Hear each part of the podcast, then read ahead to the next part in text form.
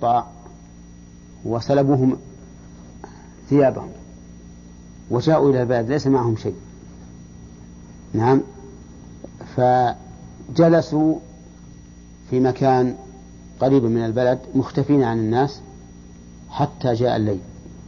ولما جاء الليل دخلوا إلى البلد لأنه لا يمكن أن يدخلوا إلى البلد وهم, وهم على هذه الحال لأن أقول حال مزعجة.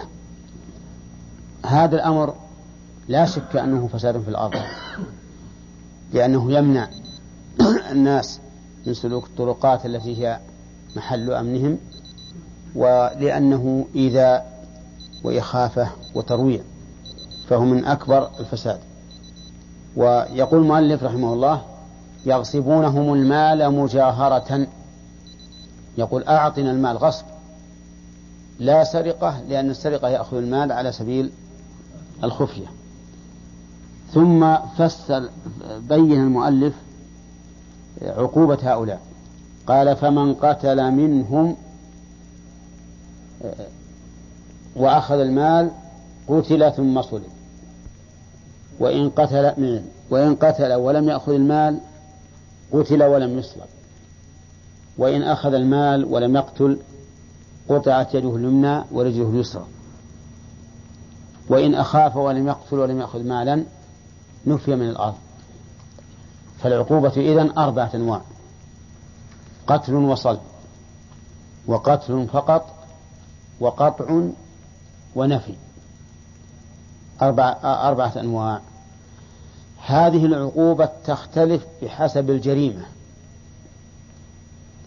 ودليل ذلك قوله تعالى إنما جزاء الذين يحاربون الله ورسوله. ويسعون في الأرض فسادا أن يقتلوا.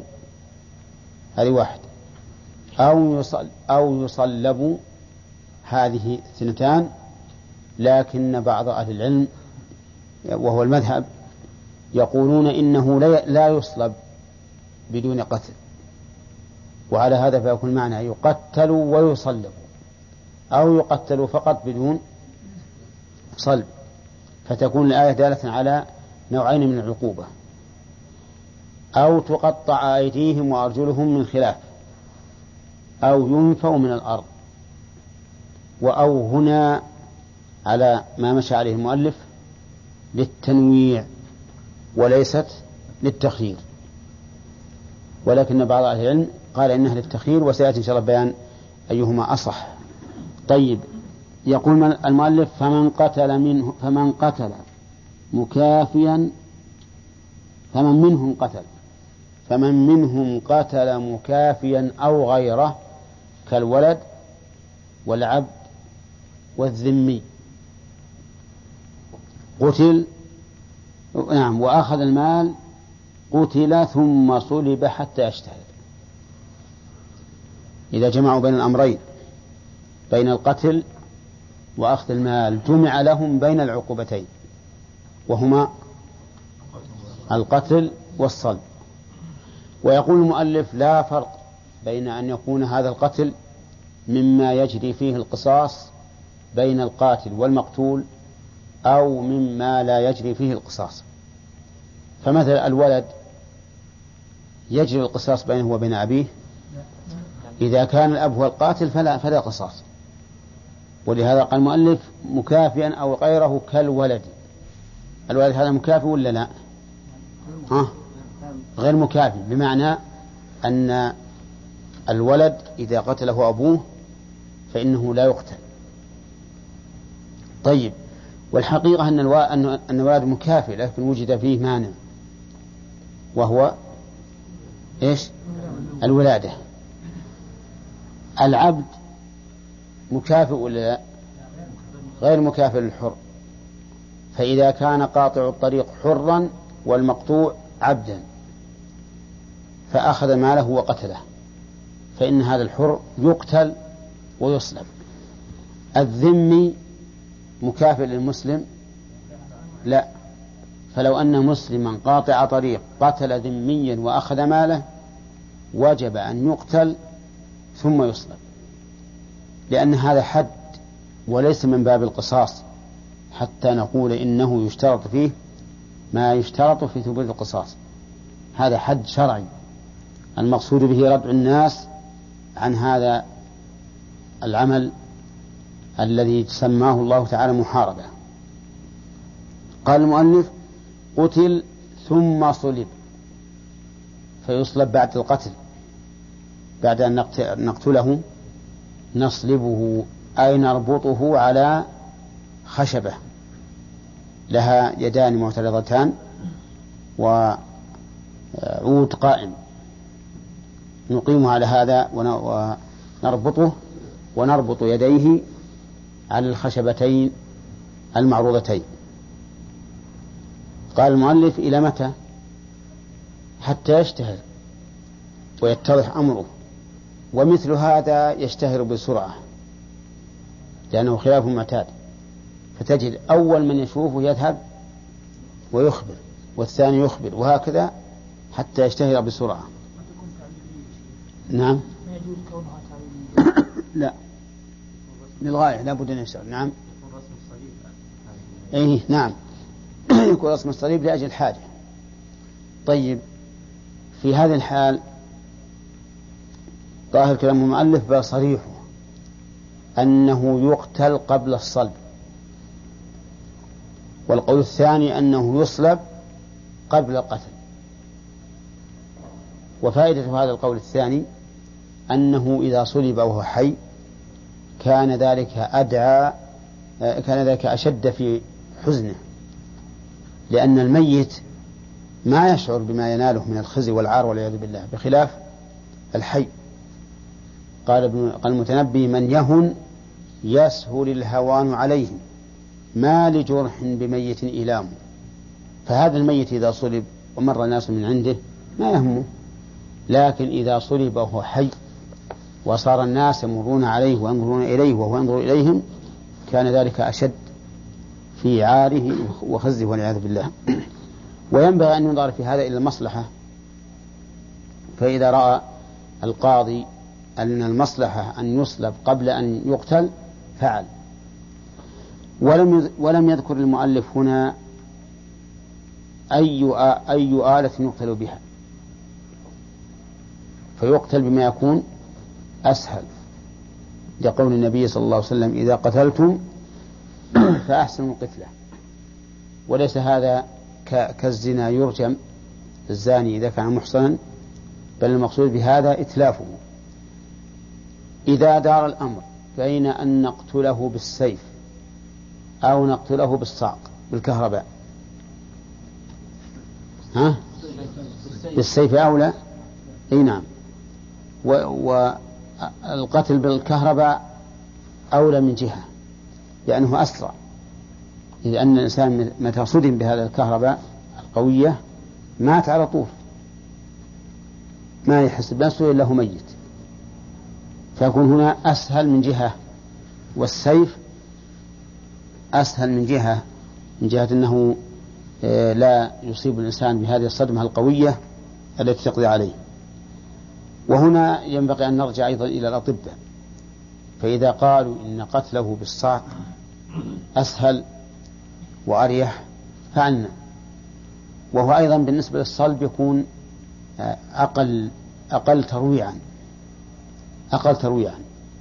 لأن ذاك إذا إذا ذبح بالسيف سيمتلئ دما ويتروع الناس حتى من رؤيته. بخلاف ما إذا قتل بالصعق فإنه يكون كالميت ميتة طبيعية. طيب وبعد ذلك بعد أن نقتله ونصلبه حتى يشتهر هل يغسل ويكفن ويصلى عليه؟ أو ويدفن مع المسلمين؟ أو ماذا نصنع؟ الأول نعم. الأول. نعم. بعد هذا نكفنه نغسله. ونكفنه ونصلي عليه وندفنه في مقابر المسلمين.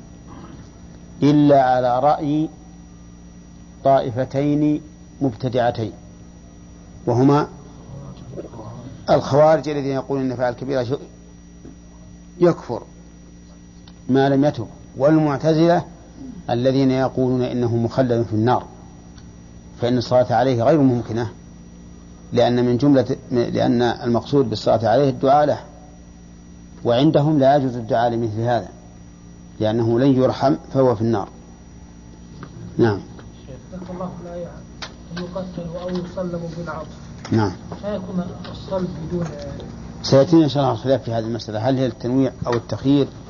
وهل هذه أربعة كل واحد منفرد بجزء؟ أو أن الصلب تابع للقتل؟ نعم.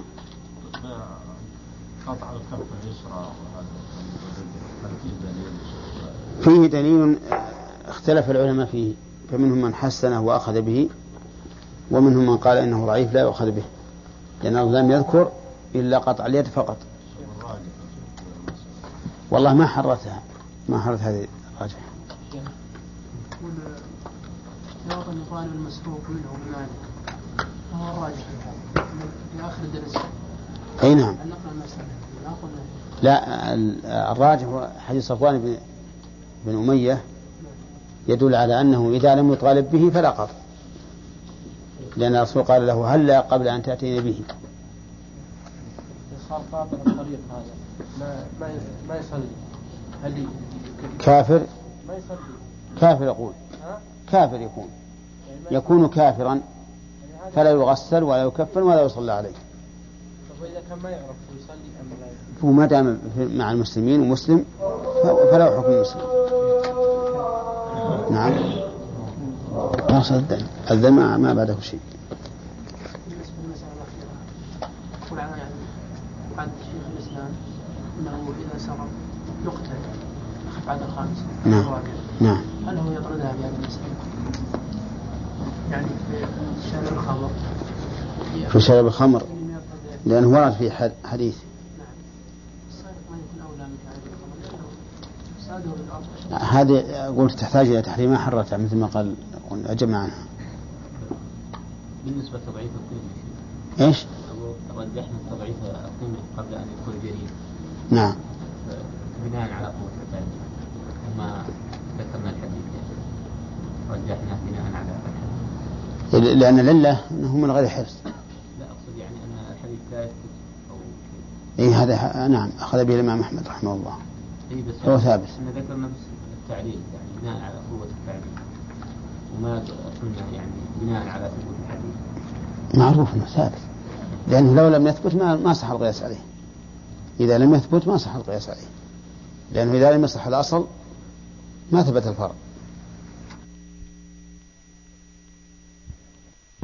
والسلام على نبينا محمد وعلى آله وأصحابه أجمعين. في السرقة إذا وجب الرابع قال وإن لم يقتلوا ولم يأخذوا مالا نفوا. هذا القسم الرابع. إذا لم يقتلوا ولم يأخذوا مالا. ولكنهم أظن قبله ها؟ قبل الكلمات.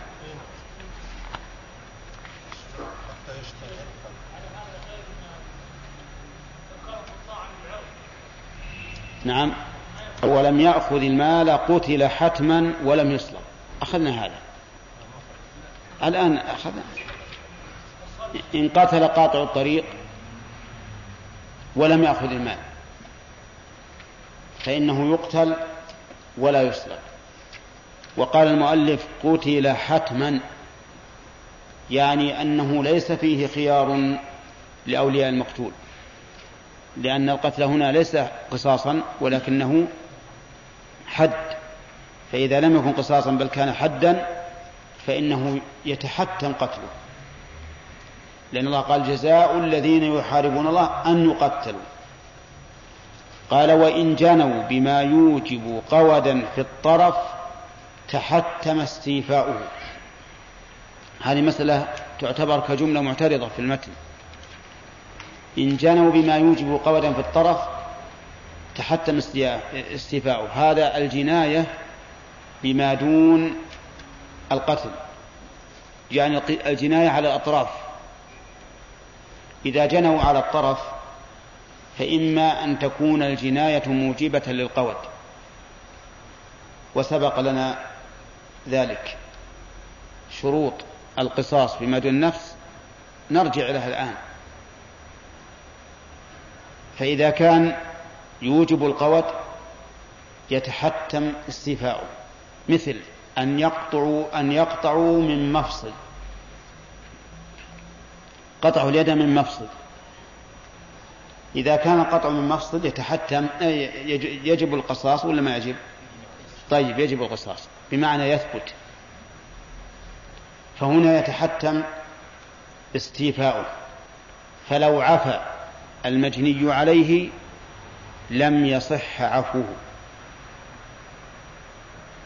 الدليل قالوا قياسا على القتل فإن القتل يتحتم استيفاؤه كذلك القصاص فيما دون النفس يتحتم استيفاؤه. وهذا الذي مشى عليه المؤلف خلاف المذهب. المذهب أنهم إذا جنوا بما يوجب قوة في الطرف لا يتحتم استيفاؤه يكون الخيار لمن؟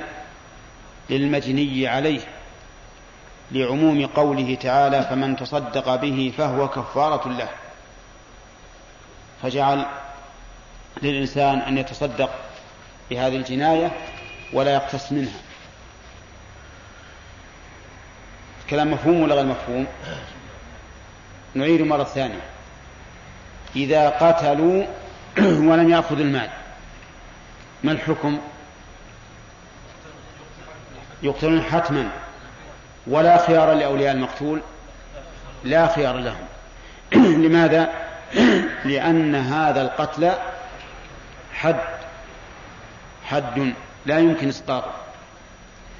إذا جنوا بما دون النفس بأن قطعوا طرفا فإن كان يوجب القصاص تحتم استيفاؤه وإن كان لا يوجبه فلا لم لم يستوفى. مثاله إذا قطعوا الطريق وقطعوا يد إنسان من مفصل الكف ما تقولون؟ ها؟ يتحتم قطع يده يتحتم قطع يد قاطع الطريق. لأن هذا القطع يوجب القصاص. طيب فإن قطعه من موضع لا يمكن فيه القصاص مثل أن يقطعه من نصف الكف فالقصاص هنا لا يمكن. هل يستوفى من هذا القاطع؟ لا لأنه لا يوجب القصاص. طيب المذهب يقولون إذا جنوا بما دون النفس جناية دون النفس فإن المجني عليه مخير بين القصاص والعفو. فيجعلون حكم جناية فيجعلون جناية قاطع الطريق كجناية غيره. هذا إذا كان دون النفس. ما ما وجه القول بأنه يتحتم الاستيفاء قلت لكم إن وجهه ها؟ القياس. القياس على القتل. فكما أنهم إذا جنوا على النفس تعين القتل فكذلك إذا جنوا على ما دون النفس جناية توجب القصاص يتعين القتل آه، يتعين الاستيفاء. والذين قالوا لا قالوا لأن القتل ورد به النص أن يقتلوا. وهنا القتل ممكن ولا متعذر؟ إذا كان القصاص بما دون نفس متعذر القتل. فيبقى على حكم الأصل. وش حكم الأصل؟ لا أخي. حكم الأصل التخيير. أن المجني عليه يخير بين القصاص وبين العفو مجانا أو إلى الدية. ثم قال وإن أخذ كل واحد من المال قدر ما يقطع بأخذه السارق ولم يقتلوا قطع من كل واحد منهم قطع من كل واحد يده اليمنى ورجله اليسرى في مقام واحد وحسمتا ثم خلي إن أخذ كل واحد منهم من المال قدر, ما يقطع به السارق. ما هذا القدر؟ ربع دينار أو ثلاثة دراهم أو عرض قيمته كأحدهما هذا المذهب. والقول الثاني أن النصاب ربع دينار. لحديث عائشة لا قطع إلا في ربع دينار فصاعدا. وهو الصحيح كما مر. المهم إذا أخذوا مالا يبلغ النصاب. يبلغ نصاب قطع السرقة فإنهم تقطع أيديهم لأخذ المال وأرجلهم لقطع الطريق لأنهم يأخذون باليد ويمشون بالرجل فقطعت الرجل وقطعت اليد. واشترط المؤلف رحمه الله للقطع اشترط أن يأخذوا من المال قدر ما يقطع به السارق. وظاهر كلامه أنهم لو أخذوا دون ذلك نعم فلا قطع وإنما يحكم لهم بحكم من لم يأخذ شيئا. وهذا أحد القولين في المسألة.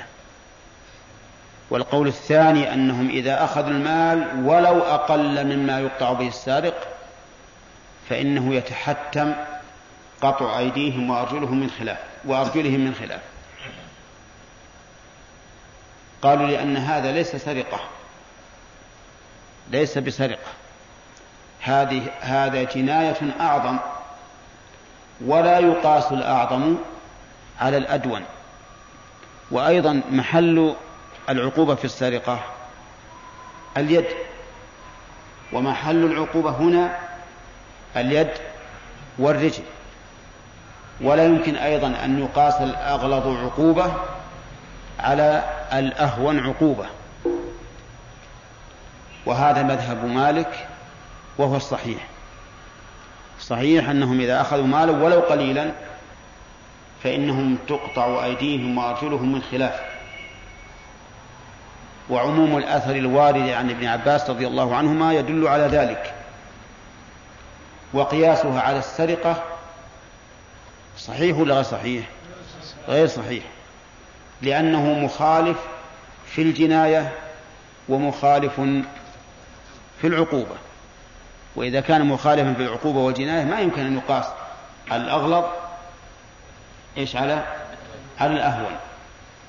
وعلى هذا فنقول القول الثاني في المسألة أنهم إذا أخذوا من المال ولو شيئا قليلا فإنه تقطع فإنه تقطع أيديهم وأرجلهم من خلاف.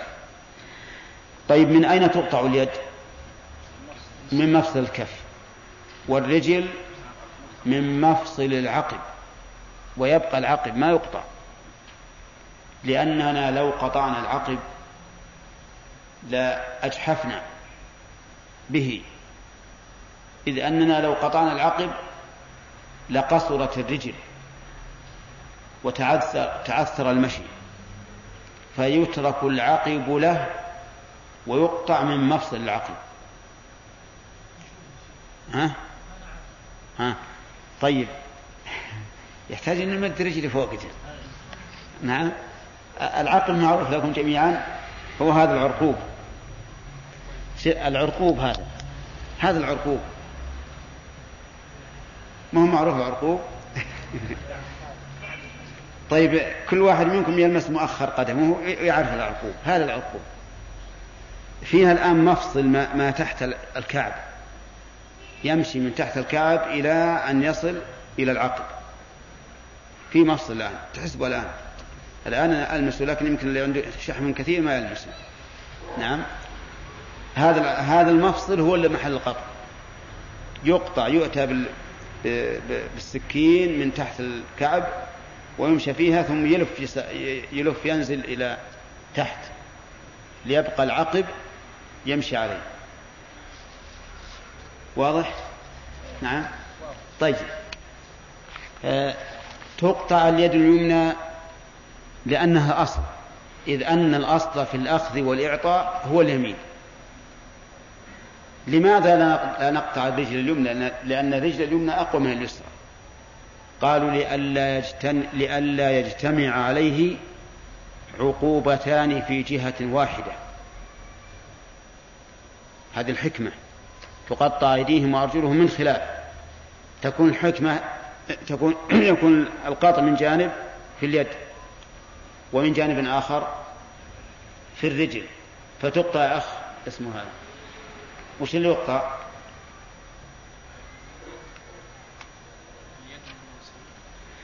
يقول المؤلف في ورجل اليسرى في مقام واحد. يجب أن يكون في مقام واحد. لأن الله قال أن تقطع أيديهم وأرجلهم والواو للجمع والاشتراك. فلا بد أن يكون في مقام واحد. يعني بمعنى أننا لا نقطع هذه اليد اليوم ونقطع الرجل غدا. لأن هذا يشق عليه. فإن إجراء الحد عليه مرة واحدة أسهل. ولا نقول أيضا نقطع اليمنى فإذا برئت قطعنا الرجل اليسرى. لأن هذا أيضا خلاف ظاهر النص. فتقطعان في مقام واحد. قال وحسمتا معنى حسمتا أي غمستا في الزيت المغلى. حتى تنسد أفواه العروق ولا ينزف الدم. ثم خلي ترك. الرابع فإن لم يصيبوا نفسا ولا مالا ولا مالا يبلغ نصاب السرقة نفوا. إن هذه شرطية وجواب الشرط؟ ها؟ نفوا. وأتى المؤلف بكلمة نفوا اتباعا للنص أو ينفوا من الأرض. ولم يذكر النافي ومعلوم أن النافي هو ولي الأمر. الذي له السلطة فيكون النفي من ولي الأمر فإن لم يفعل نفاه المسلمون. وهذا هو السر في بناء أهل المفعول. نفوا كيف ننفيهم؟ قال بأن يشردوا فلا يتركون يأوون إلى بلد. يشردوا في البراري ولا يمكن يرجعون إلى البلاد.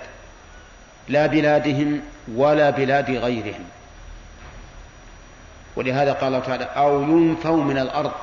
لا تقول الآية تقول ينفوا من الأرض فيجب أن ننزلهم في السماء. هذا لا يمكن. لكن من الأرض التي يقطعون بها الطريق. والمعنى أننا ننفيهم عن عن البلدان وعن الأماكن التي يطرقها الناس. لأن المقصود من النفي هو إزالة شرهم وإخافتهم الناس.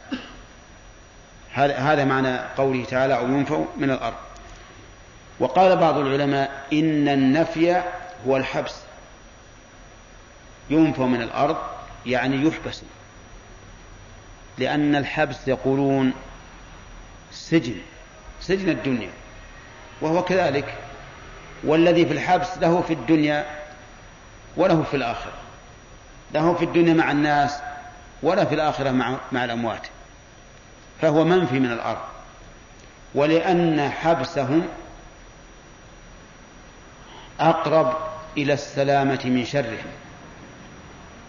لأننا لو نفيناهم عن البلدان وعن الطرقات ربما يغيرون في يوم من الأيام في غرة الناس ويقطعون الطريق. لكن إذا حبسوا أمن شرهم نهائيا. وهذا مذهب أبي حنيفة.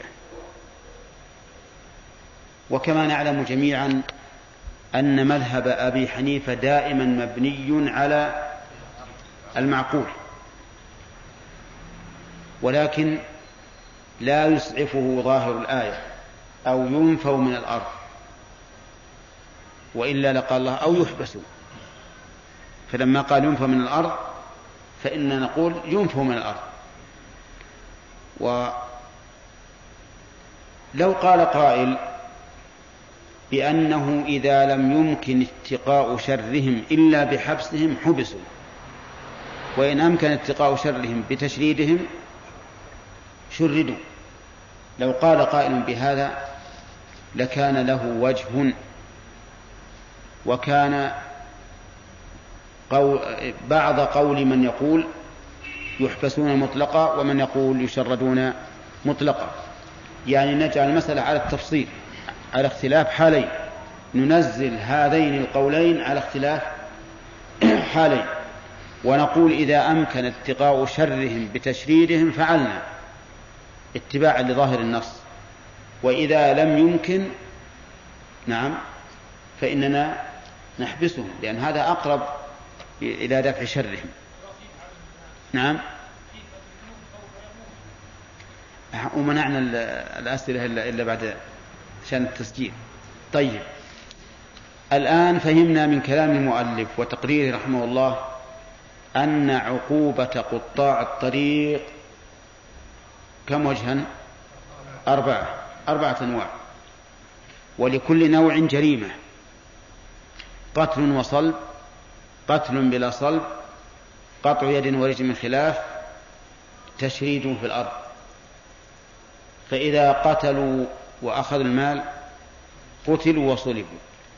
وسبق كيف كيفية الصلب ومتى يكون. وإذا قتلوا ولم يأخذوا المال قتلوا بلا صلب. وإذا أخذوا المال بلا قتل قطعت أيديهم وأرجلهم من خلاف. وإذا لم يأخذوا المال ولم يقتلوا شردوا. فعندنا اجتماع الأمرين وانفراد أحدهما وانتفاؤهما. اجتماعهما. وانتفاؤهما نعم وانتفاء أحدهما ولكل ولكل درجات مما عملوا. من أين أخذ هذا التقسيم؟ مع أن ظاهر الآية الكريمة إنما جزاء الذين يحاربون الله ورسوله ويسعون في الأرض فسادا أن يقتلوا أو يصلبوا أو تقطع أيديهم وأرجلهم من خلاف. ظاهر الآية الكريمة الخيار. لأن أو إذا جاءت في القرآن فهي للتخيير. إذا جاءت في القرآن فهي للتخيير. وعلى هذا فمن أين جاء هذا الشيء؟ من أين جاء؟ قالوا جاء هذا من أثر ابن عباس. من أثر ابن عباس. فإنه رضي الله عنه قال هذا القول تماما. هذا هو المشروع عنه. قال إذا قتلوا وأخذوا المال قتلوا وصلبوا. وإذا قتلوا ولم يأخذوا المال قتلوا ولم يصلبوا. وإذا أخذوا المال ولم يقتلوا قطعت أيديهم وأرجلهم من خلاف. وإذا أخافوا الطريق نفوا. هكذا جاء عنه. وقالوا إن ابن عباس رضي الله عنهما ترجمان القرآن. قال قال النبي صلى الله عليه وسلم فيه اللهم فقهه في الدين وعلمه التأويل. وقالوا أيضا إن المعتاد في القرآن أن الشيء إذا كان على سبيل التخيير بدأ بالأخف وإذا كان على سبيل الترتيب بدأ بالأغلظ. تأمل مراتب كفارة الظهار. ترتيب ولا تخيير؟ ها؟ مراتب كفارة الظهار يا جماعة. مراتب كفارة الظهار. ترتيب ولا تخيير؟ آه. ترتيب. بدأ بالأغلظ ولا بالأخف؟ بالأغلظ. عتق رقبة صيام شرعين متابعين إطعام ستين مسكينا. كذلك في كفارة القتل. ترتيب ولا تخيير؟ كفارة القتل. ها؟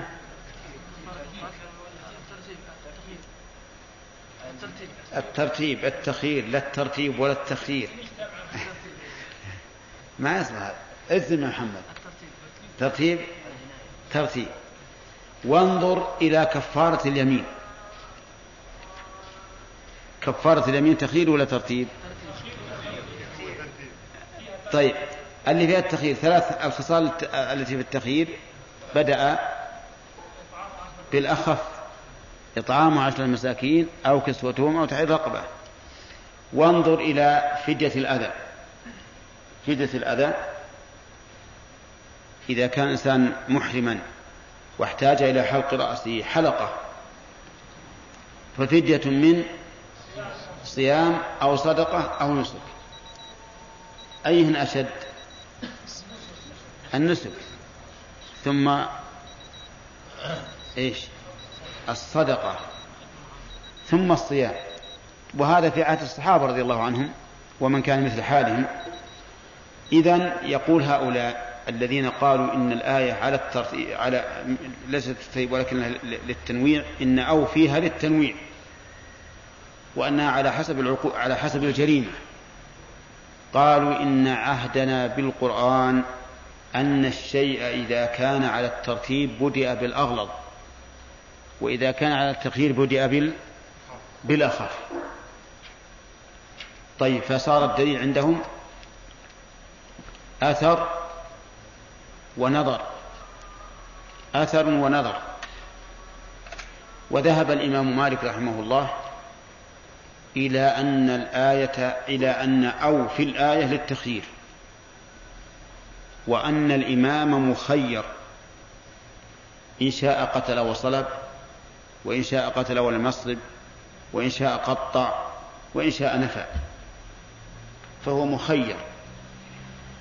لكن على مذهب مالك يجب على الإمام أن ينظر ما هو الأصلح. فإذا كان الأصلح في القتل والصلب نعم إيش؟ قتل وصلب. وإذا كان في القتل فقط قتل فقط. وإذا كان في القطع قطع. فمثلا إذا انتهك الناس حرمة الحقوق وصاروا لا يبالون بقطع الطريق فما هي المصلحة؟ القتل والصلب. وإذا كان صلب هذا الرجل يؤدي إلى فتنة لأن كان سيد قومه. وخفنا إذا صلبناه أن تثور هذه القبيلة. وأن يحصل دماء ومفاسد. فما هو الأصلح؟ ها؟ القتل فقط. نقتل ندفن. و وش الله أن أو للتخيير وليست التنويع. ما مخير. وإذا كان مخيرا فإنه يجب عليه أن يتبع الأصلح. ولكن القول الثاني وهو الأول في تقريرنا أصح وأنه لا خيار ولا سيما في وقتنا هذا لأننا لو فتحنا للحكام باب الخيار لتلاعبوا وصار هذا يقتل ويصلب في نظرهم والآخر ينفى ينفى من الأرض فالذي فالصواب في هذه المسألة القول الأول.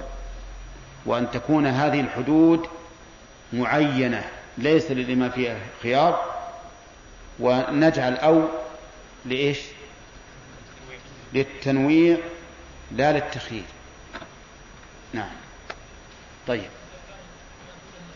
نعم.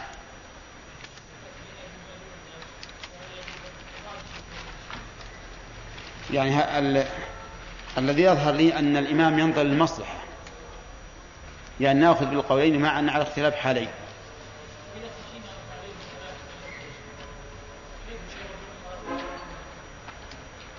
ما نخشى عليهم الهلاك ما نخشى عليهم الهلاك نوفر لهم الطعام والشراب ولكن ما نخليهم يجوا الأماكن المأهولة والمطروقة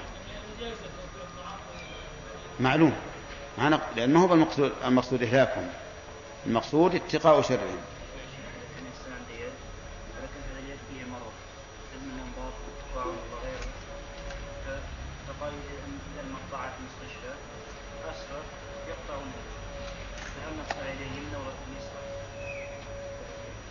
هذا السؤال ياسر يقول رجل في يده آفة في يده اليمنى آفة وقال بدل من أن أذهب إلى الطبيب وأخسر خمسمائة ريال في قطعها ودوائها أسرق خمسمائة ريال ويجينا خمسمائة ريال وتقطع يدي ببلاش مجانا إيش تقولي في هذا؟ ماذا نعمل؟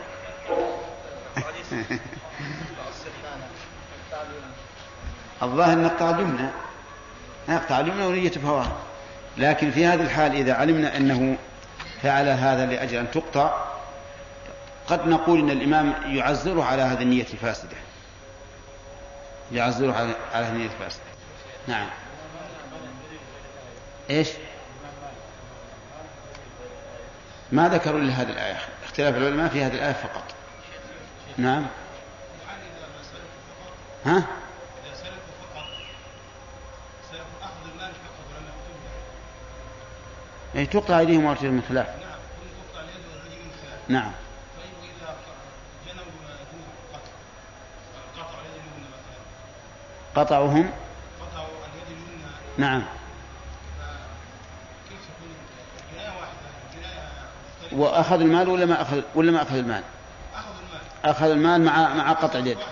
نعم. نقطع أيديهم وأرجلهم نقطع اليد اليمنى.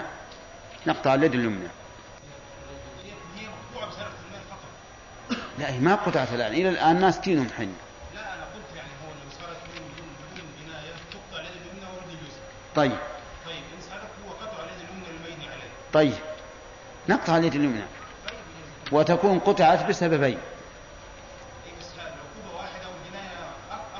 هي لأن المحل واحد. المحل واحد الآن. مثل مثل أن يجب عليه قصاص مثل أن يجب عليه قصاص ورجم مثلا. وطبعا إذا إذا القصاص لما كان حقا لآدم إذا قال أنا أريد أن أقتص قلنا يقتص ويسقط الرجل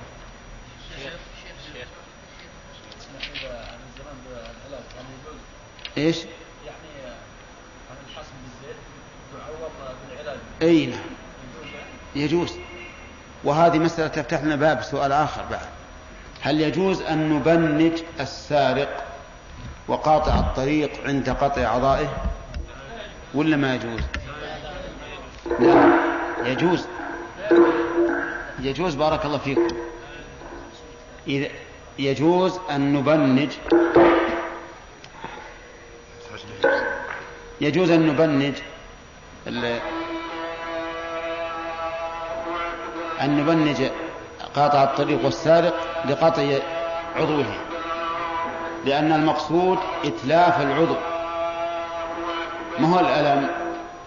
بخلاف من وجب عليه القصاص فإنه لا يجوز أن نبنجه لأنه قصاص فيجب أن ينال من من الألم مثل ما نال المجني عليه. الله أكبر. الحمد لله رب العالمين. والصلاة والسلام على نبينا محمد وعلى آله وأصحابه أجمعين. قال المؤلف رحمه الله تعالى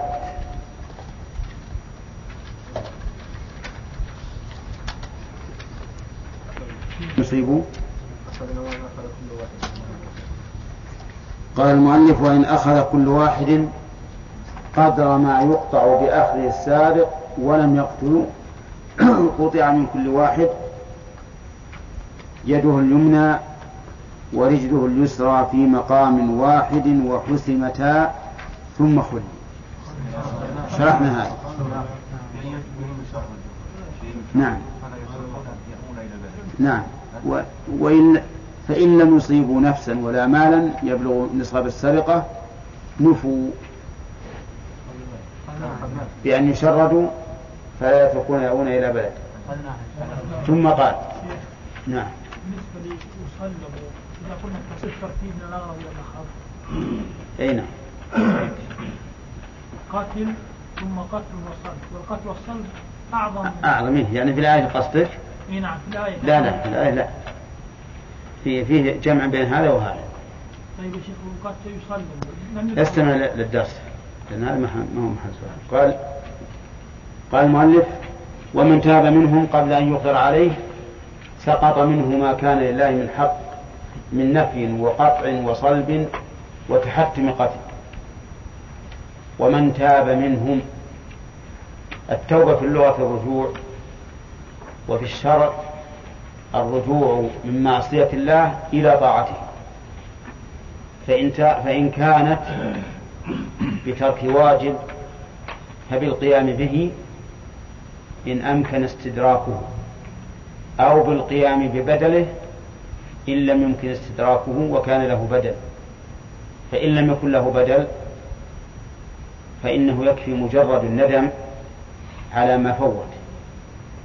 فمثلا إذا قلنا بوجوب صلاة الكسوف ولم يصلي الإنسان فالتوبة منها إيش؟ ها؟ بالندم لأنه لا يمكن لها ليس لها بدل. ولا يمكن استدراكها لفوات سببها. وإذا تاب من ترك واجب في الحج. نعم. فله له بدل ولا لا؟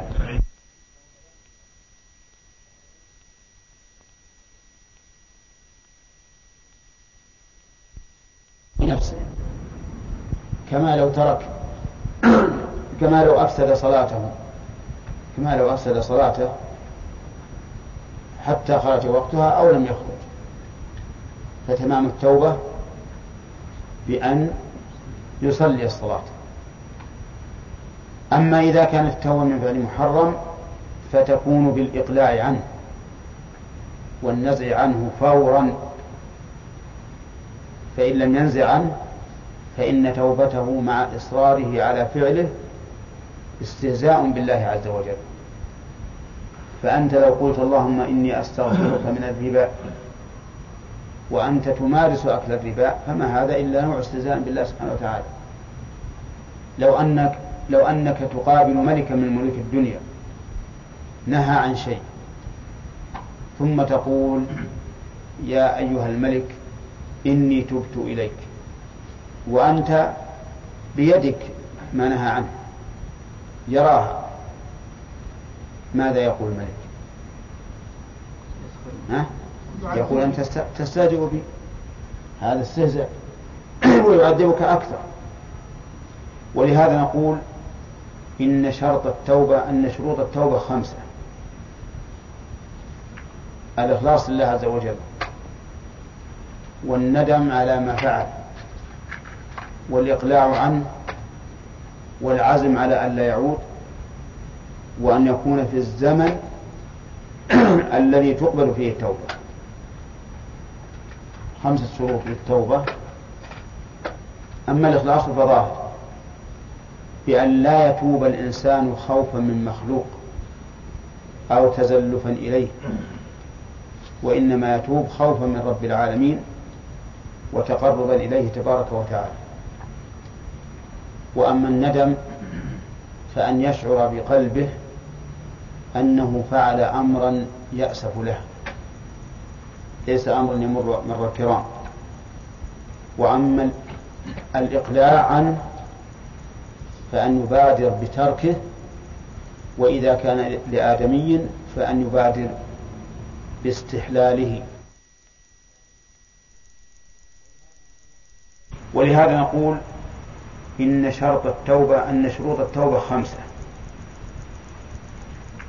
الإخلاص لله عز وجل والندم على ما فعل والإقلاع عنه والعزم على أن لا يعود وأن يكون في الزمن الذي تقبل فيه التوبة. خمسة شروط للتوبة. أما الإخلاص فظاهر بأن لا يتوب الإنسان خوفا من مخلوق أو تزلفا إليه. وإنما يتوب خوفا من رب العالمين وتقربا إليه تبارك وتعالى. وأما الندم فأن يشعر بقلبه أنه فعل أمرا يأسف له. ليس أمرا يمر مر الكرام.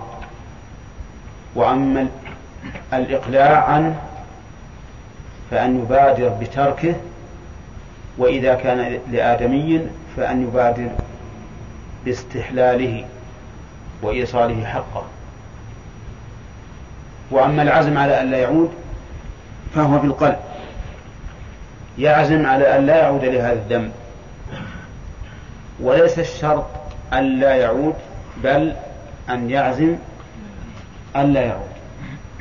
ولهذا لو عزم أن لا يعود ثم عاد فإن التوبة الأولى لا تنتقض لأنها تم شروطها. وأما أن تكون في زمن تقبل فيه التوبة فأن تكون قبل حضور الأجل وقبل طلوع الشمس من مغربها. لأن التوبة بعد حضور الأجل ومعاينة العذاب غير مقبولة. كما قال تعالى وليست التوبة الذين يعملون السيئات حتى إذا حضر أحدهم الموت قال إني تبت الآن وقال عز وجل فلما رأوا بأسنا قالوا آمنا بالله وحده وكفرنا بالله كنا بمشركين فلم يكن ينفعهم إيمانهم لما رأوا بأسنا. والتوبة واجبة على الفور. وش معنى الفور؟ يعني بدون تأخير. لأن الإصرار على الذنب ذنب ولأن الإنسان لا يدري متى يفجأه الأجل فيحرم من التوبة. طيب ثم إذا تاب هؤلاء قطاع الطريق فإن كان بعد القدرة عليهم فلا, فلا تقبل توبتهم وليس لها أثر. وإن كان قبل قبلت. ودليل ذلك قوله تعالى إلا الذين تابوا من قبل أن تقدروا عليهم فاعلموا أن الله غفور رحيم. وجه الدلالة من الآية أنه قال فاعلموا أن الله غفور رحيم فختمها باسمين كريمين يدلان على إيش؟ العفو والمغفرة وفهم من الآية الكريمة إلا الذين تابوا من قبل أن تقدروا عليهم أنهم لو تابوا بعد القدرة فإنه لا يسقط لا تسقط عنهم العقوبة. والحكمة من ذلك أنهم إذا تابوا قبل أن يقدر عليهم فإنه دليل على أن توبتهم صادقة فيتوب الله عليهم. أما إذا تابوا بعد أن يقدر عليهم فإن القرينة تدل على أن توبتهم إيش؟ خوفا من النكال والعقوبة. فلذلك لا تقبل. وهذا في قطاع الطريق. أما الكافر فتقبل توبته ولو بعد القدرة عليه.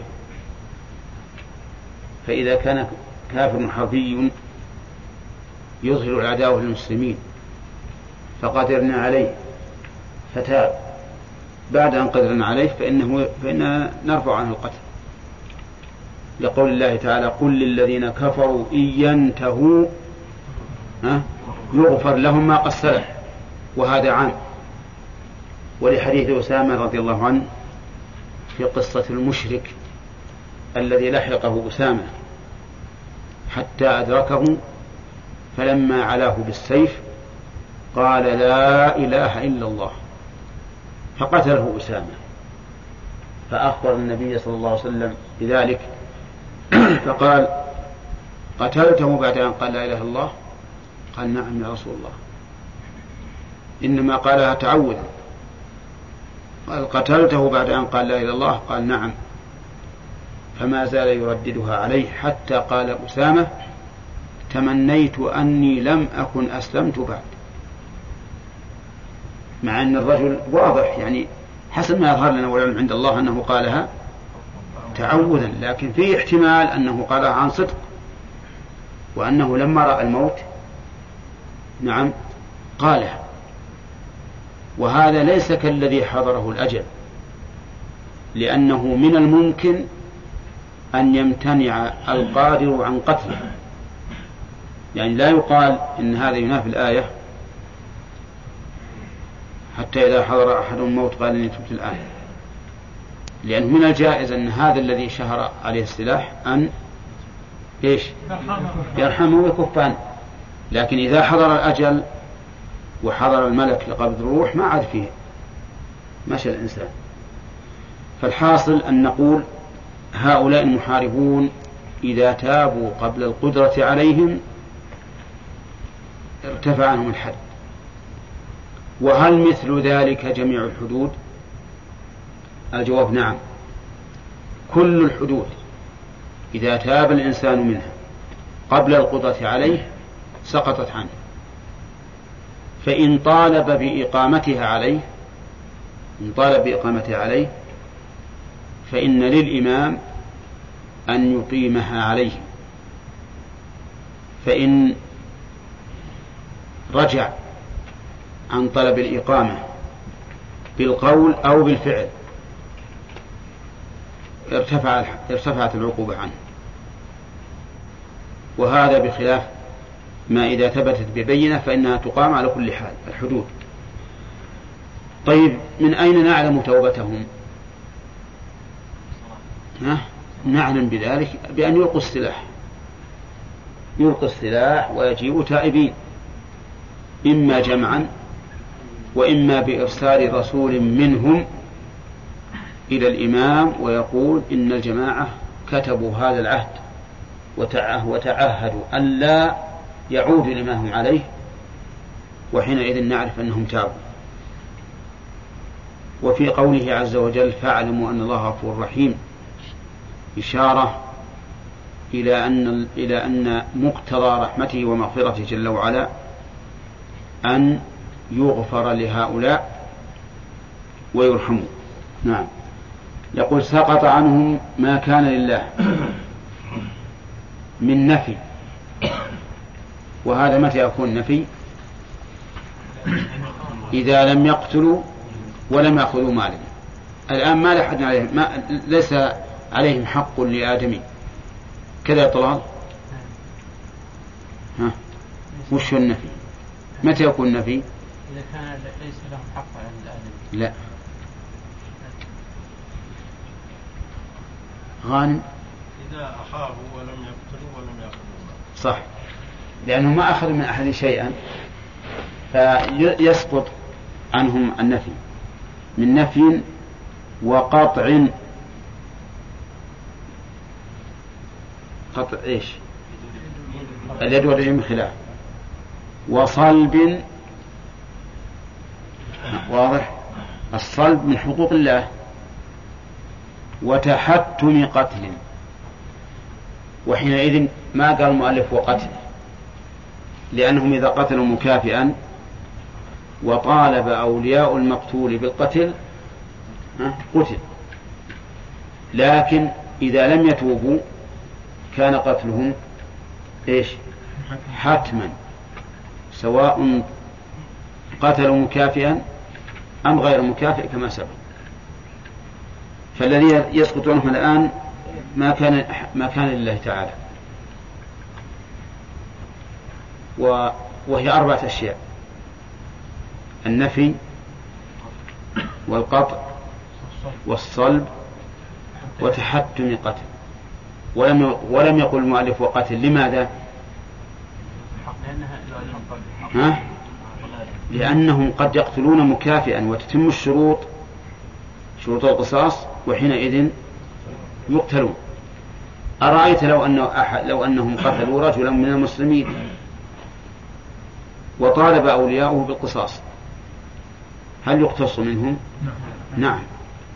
يقتص منهم. ولهذا قال المؤلف وأخذ بمال الآدميين من نفس وطرف ومال.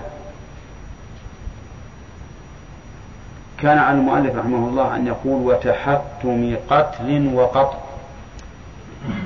لأن المؤلف يرى أنهم إذا قطعوا قطعا يوجب القصاص. ها؟ فلا بد من إقامة. تحتم تحتم استيفاؤه خلافا للمذهب.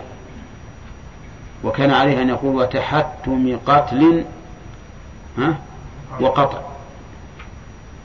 ولكن المذهب أنه أنهم إذا قطعوا طرفا فإنه لا يتحتم استيفاؤه فلصاحبه الحق في القصاص أو أو الدية.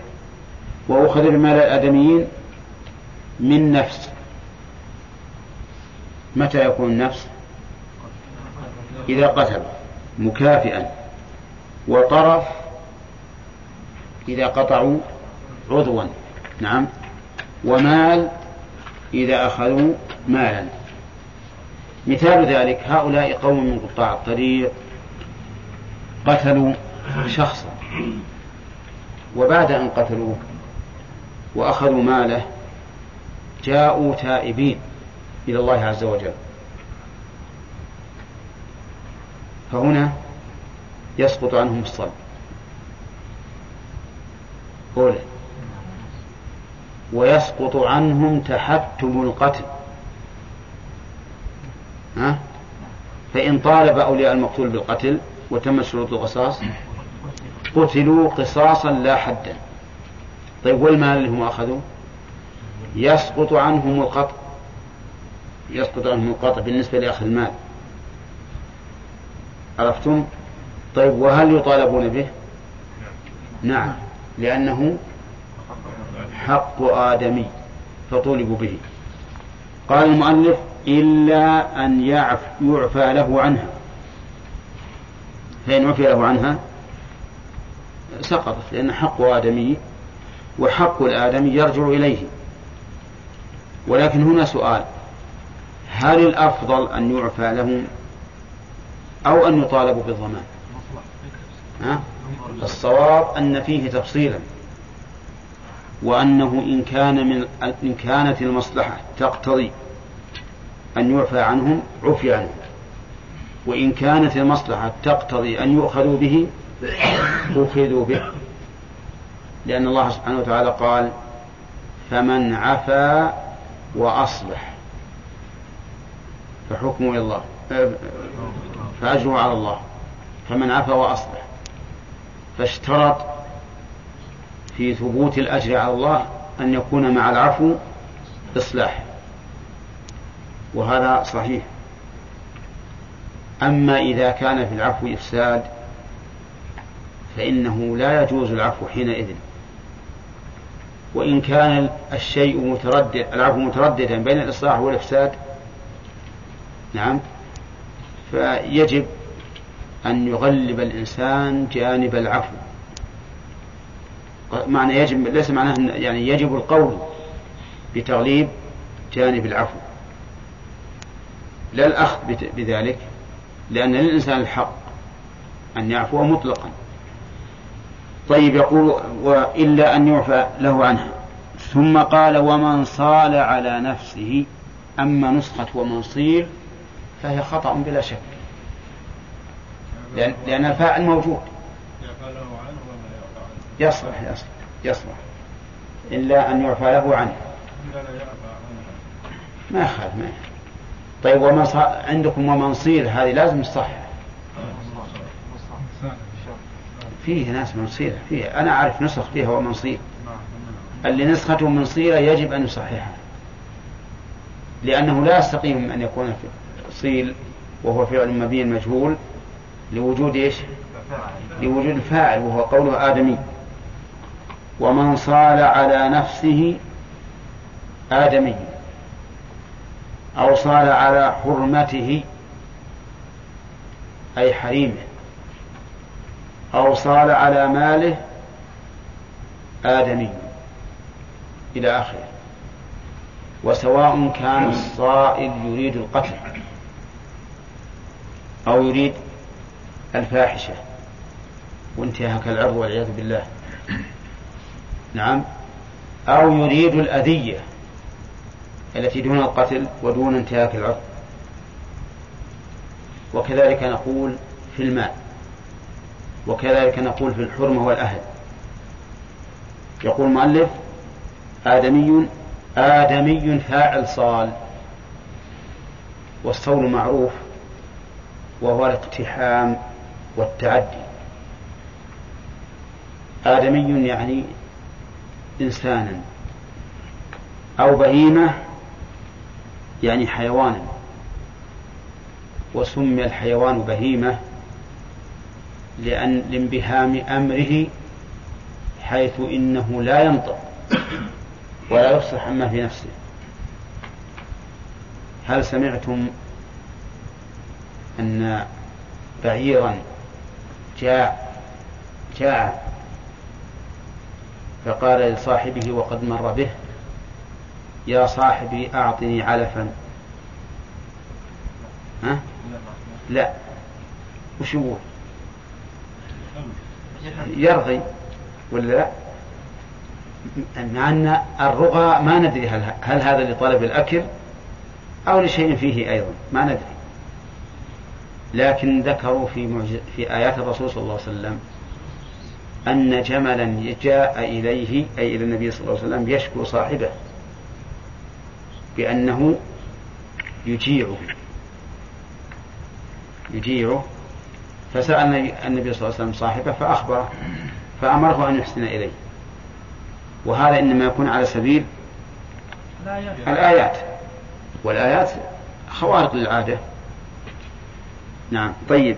آدمي أو بهيمة فله الدفع عن ذلك بأسهل ما يدفع ما يغلب على ظنه دفعه به.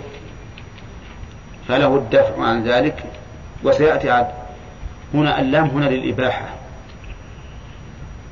يعني ليس لا يجب عليه أن يستسلم بل يدافع له أن يدافع.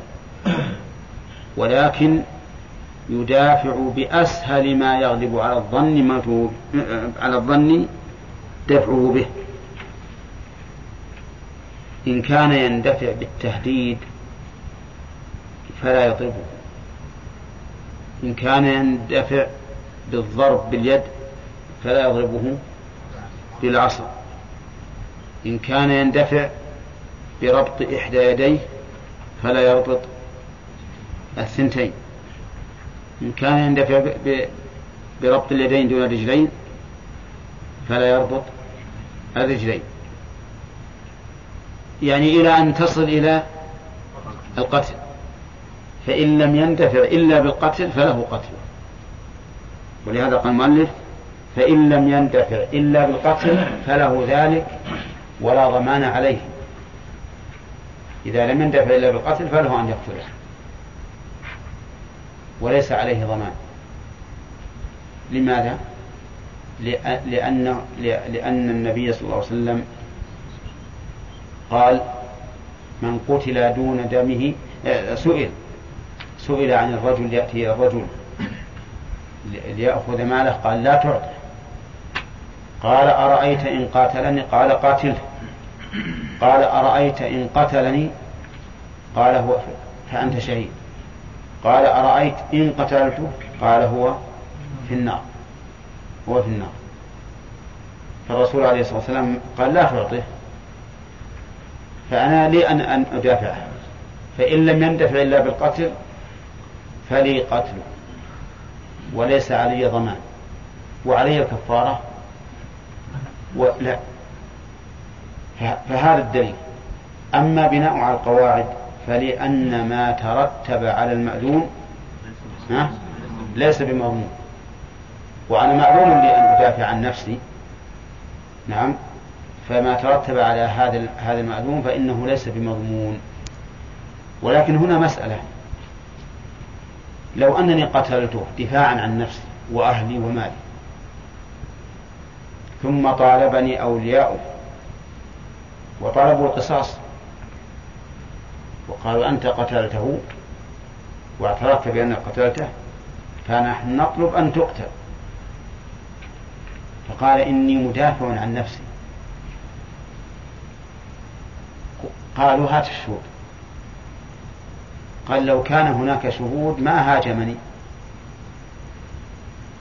ولن يهاجمني إلا إذا كان إلا إذا كان المسألة ها؟ إلا إذا كان المكان خاليا. فقالوا إذا كان ما عندك شهود ما عندك إلا دعوة. قال هو في بيتي يا جماعة انظر إليه. قال نعم. دعوته إلى بيتك لتقتله في بيتك. ممكن هذا ولا مو ممكن؟ ممكن. يعني لا يحيل العقل فإذا نطالب بأن تقتل. فماذا يصنع؟ القضاء يحكم بقتله. القضاء يحكم بقتله. لأن النبي صلى الله عليه وسلم يقول لو يعطى الناس بدعواهم لادعى رجال دماء قوم وأموالهم ولو أننا قبلنا مثل هذه الدعوة لكان كل إنسان يمتلئ قلبه حقدا على شخص يدعوه إلى بيته يقول تفضل. تفضل أنت عزيز وغال علينا ونحبك. وقد أعدنا لك طعاما طيبا فاكهة ولحما وخبزا وما أشبه ذلك. تفضل. هذاك يحتوه الطمع حب الأكل ويجي نعم. فإذا دخل قتله. وادعى أنه هو الذي دخل عليه البيت ليعتدي عليه وعلى حرمته. ممكن هذا ولا لا؟ ممكن. فلما كان هذا الأمر ممكنا غير ممتنع صار من ادعى خلافه فعليه البينة. وإلا فيقتل ويوم القيامة سوف يحكم بينهم الحكم العدل عز وجل. أما نحن في الدنيا فإنه ليس لنا إلا الظاهر فقط. وهذا لا شك أنه جار على قواعد الشر في ظاهر الأمر. ولكن قال شيخ الإسلام ابن تيمية إنه يجب أن ينظر في القرائن لأن وجود البينة في مثل هذه الحال نعم متعسر أو متعذر ولأن هذا يقع كثيرا ما يصول الإنسان على أحد ثم يدافع المصول عليه عن نفسه حتى يصل إلى درجة القتل قال رحمه الله ينبغي أن ينظر في هذا إلى القرائن. فإذا كان المقتول معروفا بالشر والفساد والقاتل معروفا بالخير والصلاح فالقول قول القاتل. وحينئذ لا ضمان عليه. لأن قول الرسول عليه الصلاة والسلام البينة على المدعي بالاتفاق أنها لا تختص بالشهود. فإن البينة كل كل ما أبان الحق وأظهره. وإذا قامت القرينة القوية الظاهرة على صدق الدعوة فإنه يجب العمل بمقتضاها. كما قلنا في دعوى الرجل لباسا بيد غيره وهو وهو متخل عنه. فإن القول قول المدعي كما لو لو رأينا شخصا أصلع ما ما معه غترة وآخر معه غترة لابسها وغترة بيده وهو هارب والأصلع يركض وراءه يقول أعطني فوقف ذاك وش غترك مسكين أنت. ما عندك غترة وحد معي غترة تقول هذه غترتي. نعم؟ ممكن يقول يكون هذا ولا لا؟ ممكن. يمكن هذا الأصلع ما عنده غترة حقيقة. وجد هذا معه غترتين قال بدعين هذه لي. نعم؟ لكن نقول هنا نقول الظاهر عنده. ولا صحيح أن ما في بيد ما في بيد ما في بيد الإنسان ما بيد الإنسان فهو له بلا شك. لكن هذا هذه قرينة ظاهرة تؤيد دعوى المدعي فيعمل بها. وعندكم أيضا في مسألة القسامة. وش فيها قسامة؟ فيها قتل. ولا لا؟ مبنية على إيش؟ على القرينة. على القرينة. فجعلت الإيمان في جانب المدعي. فقول شيخ الإسلام رحمه الله هو الحق في هذه المسألة. ولا يمكن إصلاح الخلق إلا به لأنه ما أكثر الذين يصولون على الناس الآمنين الوادعين في بيوتهم المعروفين بالصلاح وبعدم العدوان. نعم فيصول عليهم هذا المجرم الخبيث فإذا دافع المسكين عن نفسه وقتله لأنه لم يندفع إلا بالقتل نقول إن ظننك مشكلة. طيب إذا كان يمكن دفعه بدون القتل فقتله. يضمن ولا لا؟ يضمن. نعم. لأن هذه دفع صيادة. فيجب أن يكون بالأسهل فالأسهل. طيب إذا خاف أن يبدره بالقتل هو الآن ما بعد اشتبكوا. لكن خاف إنه يبدره بالقتل لأن معه السلاح فهل له أن يبادر بالقتل؟ ها؟ نعم له أن يبادر. يعني لو كان هذا المجرم معه سلاح وأشهره على الموصول عليه قال يلا مكني من نفسك أو من أهلك ولا هذا قتلتك هذا المسدس. وخاف إن امتنع أن إيش؟ يقتله. خاف أن يقتله. فله أن أن يبادر بالقتل. لأن هذا غاية قدرته. لا يمكن أن يستسلم لهذا يقتله. فإن قلت ألا يمكن أن يهدد فلا يفعل؟ ها؟ فالجواب نعم يمكن بلى. يمكن أن يهدد ولا يفعل. لكن وش الأصل وهو مجرم الآن؟ أنه يقتل. لاحظ أن المجرم وش بيقول؟ بنفسه. يقول أنا مقتول مقتول. هذا اللي بيقول. يقول أنا مقتول مقتول. إما من هذا الرجل ولا من السلطات؟ أنا أبقتل. أبقت أقدم. نعم. أليس كذلك؟ ممكن.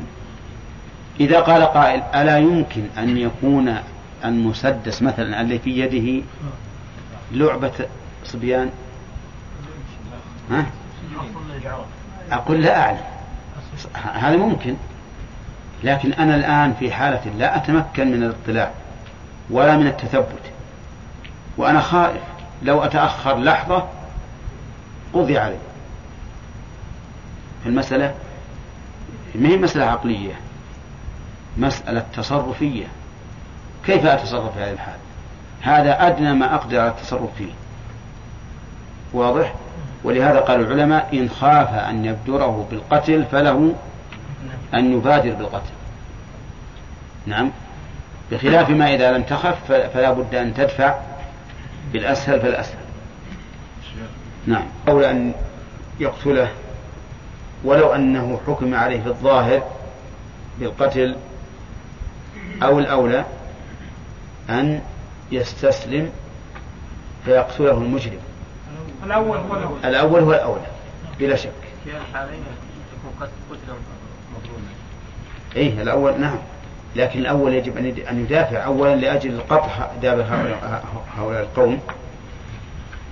والشيء الثاني أن والشيء الثاني أنه في احتمال أن يرفع عنك القتل حتى عند القاضي. في احتمال مو على كلها قتلك محتم. لا مثل ما على ذلك يعني عادة. لا ولو كان. كل شيء يمكن أن ما دام ما وقع كل شيء يمكن. نعم. عبد الله. الدروس السابقة إقامة الحدود في أرض الغزو اي نعم. وش فيها؟ إقامة لا الصحيح أنها لا تقام. وقد يفرق بين من كان له غناء. أو من كان فيه غناء للمسلمين فيرفع عنه الحد ومن لم يكن كذلك فيقام عليه حد كما في قصة أبي محجن الثقفي. وقد يقال انه يرجع في هذا إلى رأي الإمام. إلى رأي الإمام وهذا طيب. نعم. ظاهر الحديث رأيت قاتلني قال قاتل نعم. تعبير المؤلف بالإباحة. يبي بيجينا ما كم الإباحة هذا في مقابلة المنع. لأن العلماء هذه قاعدة ينبغي نعرفها. قد يعبرون باللام في مقابلة المنع. مثال ذلك في الحج. يمكن مر عليك. قالوا وللقارن والمفرد إذا لم يسوق الهدي أن يجعلها عمرة ليحج في هذا العام. فقولهم وللقارن في مقابلة قول من يقول إنه ليس له ذلك. ثم عاد يأتي الحكم.